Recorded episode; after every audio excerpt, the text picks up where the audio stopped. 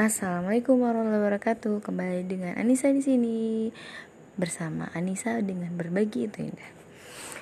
Nah, melanjutkan pertanyaan yang tadi belum dibahas mengenai kalau untuk lanjut kuliah sendiri itu uh, apakah di jurusan yang itu kebidanan atau di luar kebidanan. Kalau masalah D401 dijawab ya di podcast sebelumnya yaitu melanjutkan entah di melanjutkan kuliah di Politeknik satu universitas atau di satunya lagi yang kenapa harus lanjut kuliah itu. Kalau yang podcast kali ini itu membahas mengenai ketika lanjut kan ada tuh uh, yang lanjut itu kayak D4 kebidanan atau yang satu kebidanan atau ada juga yang lanjut kayak ke Fakultas Kesehatan Masyarakat atau ke yang lain misalkan ya pokoknya yang lain lah sebenarnya harusnya bagusnya di mana sih? Oh ya sekali lagi diingatkan sudut pandang uh, sendiri gitu sudut pandang berdasarkan pengalaman dan wawasan yang dimiliki. Jadi ini hmm, jangan mutlak mutlak di mentah-mentah semua. Harus untuk mengambil keputusan ini hanyalah sebagai salah satu sumber informasi sebagai tambahan insight saja. Tidak mutlak satu hanya ini saja kemudian kalian mengambil keputusan. Tidak seperti itu. Jadi eh, ketika mau mengambil keputusan sebijak-bijaknya lah dengan mempertimbangkan banyak hal positif negatifnya. Sorry masih sedikit batuk. Kalau misalkan uh, mau ngambil bijen atau yang lainnya sebenarnya itu disesuaikan juga dengan kebutuhan dan dengan kebutuhan diri kita dan tujuan kita tuh maunya seperti apa.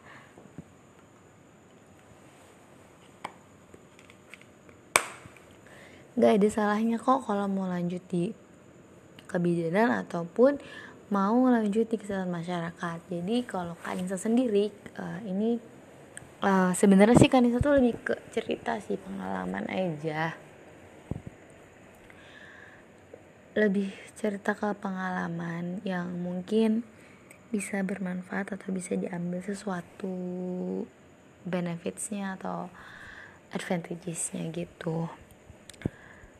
Hmm, dulu ya karena lagi-lagi berkaitan ketika kita mengambil keputusan kan pasti tuh dari sudut pandang diri kita yang mungkin pada saat itu masih terbatas.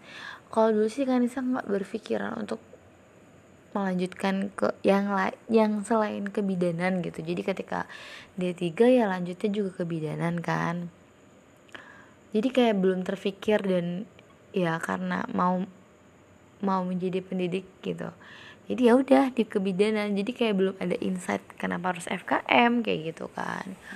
Dan belum tahu juga secara baik FKM itu seperti apa. Seperti itu Terus pada saat mau S2 mungkin ada yang bertanya kenapa Kanisa nggak lanjut S2 kebidanan aja? Kenapa ngambilnya S2 FKM Dulu itu alasannya singkat sih karena pengen cepet-cepet selesai S2 aja gitu.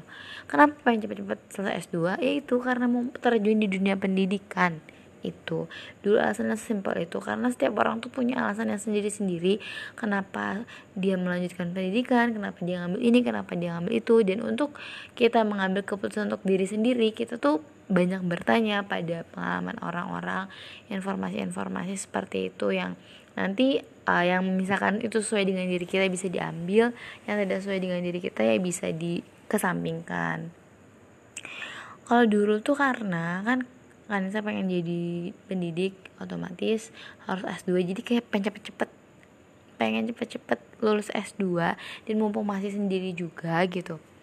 Uh, masih semangat juga masih muda. Jadi kayak yaudah deh uh, jadi kayak ada standar yang diri sendiri tuh bilang minimal lo harus lulus S2 ya gitu.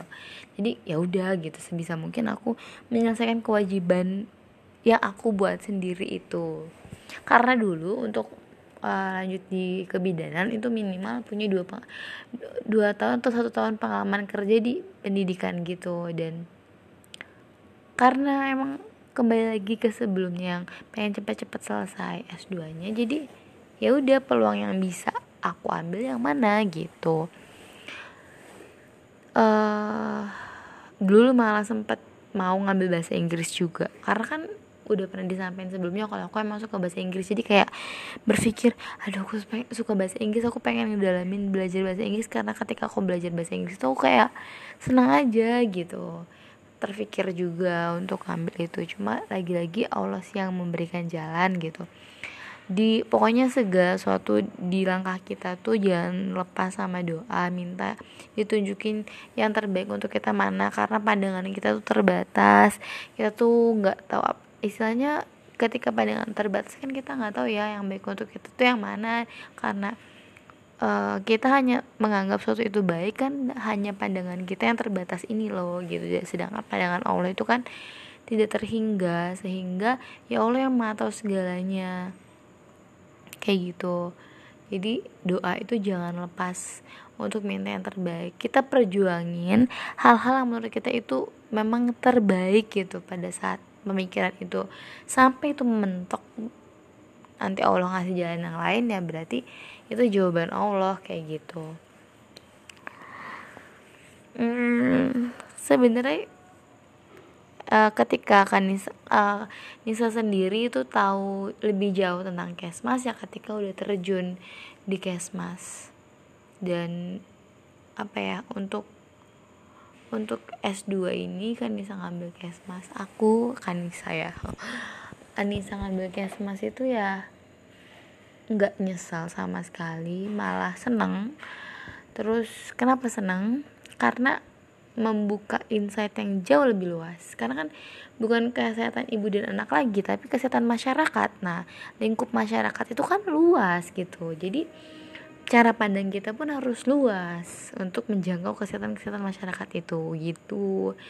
Dan mm, merasa beruntung juga malah kayak dulu yang uh, fokusnya itu pada individu gitu kesehatan individu dan sekarang dibawa terbang untuk memperhatikan kesehatan masyarakat kayak gitu. Tapi kan itu S2 nya kalau misalkan S misalkan ada yang mau lanjut uh, dari D3 mau ke D4 ataupun S1 baiknya tuh ke jurusan apa? Kembali lagi ya ke tujuan orang masing-masing itu apa yang dicari gitu. Itu visi misi hidupnya seperti apa apa yang dicari apa yang diinginkan.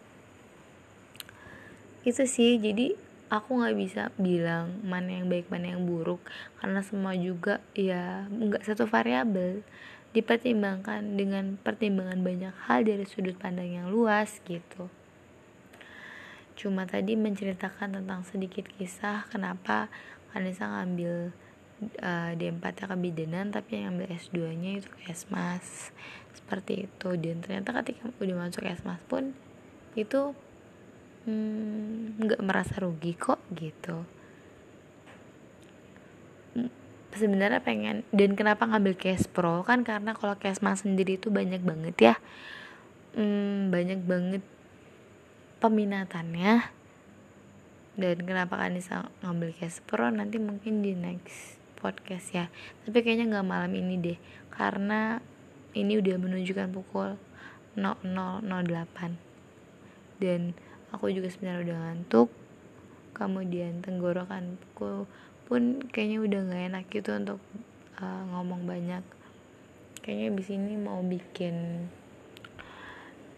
uh, herbal mau bikin rempah-rempah lagi. Karena masih belum sempurna maksudnya masih masih masih batuk istilahnya gitu. Belum 100% sembuh. Sebenarnya sebenarnya sebenarnya terus ya sorry ya kalau mungkin kurang tertata jadi masih banyak sih tema-tema yang mau dibahas di podcast itu banyak banget. Jadi kayak dicicil dulu aja ya beberapa yang dibahas dulu. Nanti sering berjalannya waktu sharing sharing dengan mood yang baik sharing dengan kegiatan yang gak terlalu padat juga. Karena kalau udah kegiatan padat atau ada banyak tanggung jawab itu pasti aku fokus sama tanggung jawab itu gitu untuk menyelesaikan apa yang harus diselesaikan untuk melakukan apa yang harus dilakukan untungnya besok tuh kelas siang. Uh, aku juga tadi tuh buat kayak konsep konsep-konsep yang itu tentang kehidupan itu tentang hal yang hmm, sebaiknya dibagi kayak gitu. Kayak sebenarnya itu bagus sih dibuat tulisan. Dan tapi nggak salah juga sih untuk dibuat podcast. Jadi alternatif aku buat podcast itu kadang kan kalau nulis itu lebih take times banget. Banyak ide yang mau disampaikan tapi uh, kalau kadang waktunya itu terbatas ya lebih simpelnya itu buat ke podcast. Jadi kalau podcast itu kan paling maksimal tuh kayaknya 30 menit ya. Tapi kalau nulis itu aku bisa untuk menuangkan semua ide. Itu bisa satu jam gitu. Memang kelebihannya kalau menulis kan bisa kayak lompat-lompat dulu idenya terus nanti kayak di jadiin satu dikesinambungin senadanya itu bagus gitu. Tapi kan kalau podcast memang sedikit kayak uh, random conversation itu kayak mau nuangin ide aja sih gitu. Kalau bagus flownya sebenarnya bagus di tulisan. Karena itu kan bisa di uh, eh, edit edit tapi kalau podcast kan gimana ngedit editnya gitu. Ya bisa aja sih sebenarnya dipotong-potong terus disambungin gitu. Cuma aku belum ahli dalam edit edit jadi masih ada masih dengan kemampuan yang masih ala kadarnya tapi berkeinginan untuk berbagi. Jadi ya masih apa adanya apa adanya. Semoga tidak mengurangi uh, apa ya mengurangi hal yang pengen disampaikan apa gitu. Ya sudah terima kasih. Assalamualaikum warahmatullahi wabarakatuh. Mungkin kalau yang podcast kali ini itu kurang komprehensif karena hmm, udah nggak enak juga tenggorokannya dan juga udah ngantuk jadi kayak kurang bersemangat menggebu-gebu ataupun holistik penyampaiannya dan komprehensif seperti itu. Selamat istirahat semuanya. Bye bye assalamualaikum warahmatullahi wabarakatuh